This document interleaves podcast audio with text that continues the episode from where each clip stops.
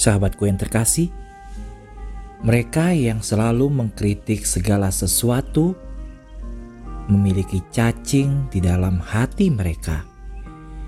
Jumat 29 Oktober, bacaan Injil diambil dari Lukas 14 ayat 1 sampai dengan 6. Pada suatu hari sabat Yesus datang ke rumah salah seorang pemimpin dari orang-orang Farisi untuk makan di situ.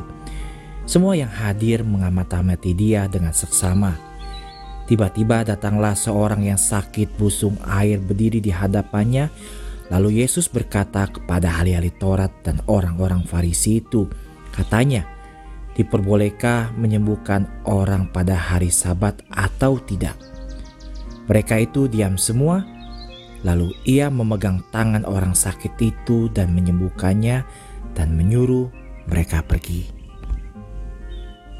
Sahabat, ada sebuah cerita tentang hutan yang penuh dengan berbagai jenis pohon. Suatu hari beberapa pria tiba menggali lubang di tanah dan memasang tiang di sana. Setelah selesai pekerjaan mereka, mereka balik dengan meninggalkan beberapa tali logam yang tergantung di tiang tersebut. Kehadiran tiang baru tersebut membuat pohon lain tercengang untuk beberapa saat. Mereka belum pernah melihat pohon seperti itu sebelumnya, dan ada sesuatu harapan besar untuk pohon baru tersebut. Setelah itu, berita kedatangan penghuni baru ini mulai tersebar pohon baru tersebut begitu tegang, begitu kaku, sehingga tidak ada yang berani berbicara dengannya. Akhirnya, sebatang pohon pinus mengambil inisiatif dan memecahkan kesunyian dan bernyanyi sampai melelahkan. Apakah kamu tidak ingin bernyanyi bersama kami? Saya tidak pernah menyanyi, jawabnya. Setelah beberapa saat tiang tersebut memutuskan untuk menyerang. Ia berbicara tentang ketidaksenangannya pada segala sesuatu yang mengelilinginya. Ucapannya itu mengeritik segalanya. Menurutnya, mereka semua adalah makhluk sampah, naif, tidak penting, tidak memiliki tujuan hidup.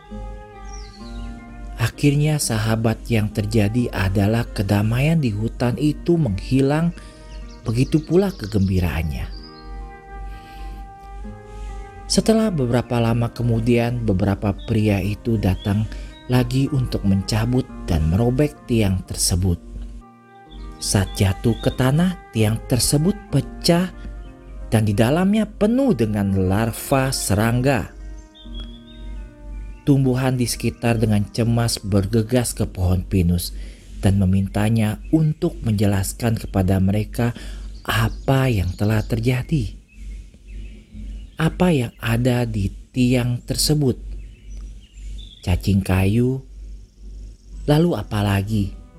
Debu, apalagi kematian.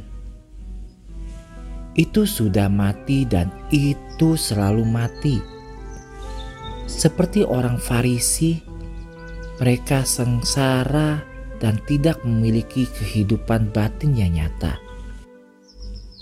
Mereka negatif tentang apa pun yang tidak mereka lakukan sendiri. Tampaknya mereka senang dengan kegagalan orang lain, tetapi mereka juga berpengaruh terhadap orang-orang di sekitar mereka.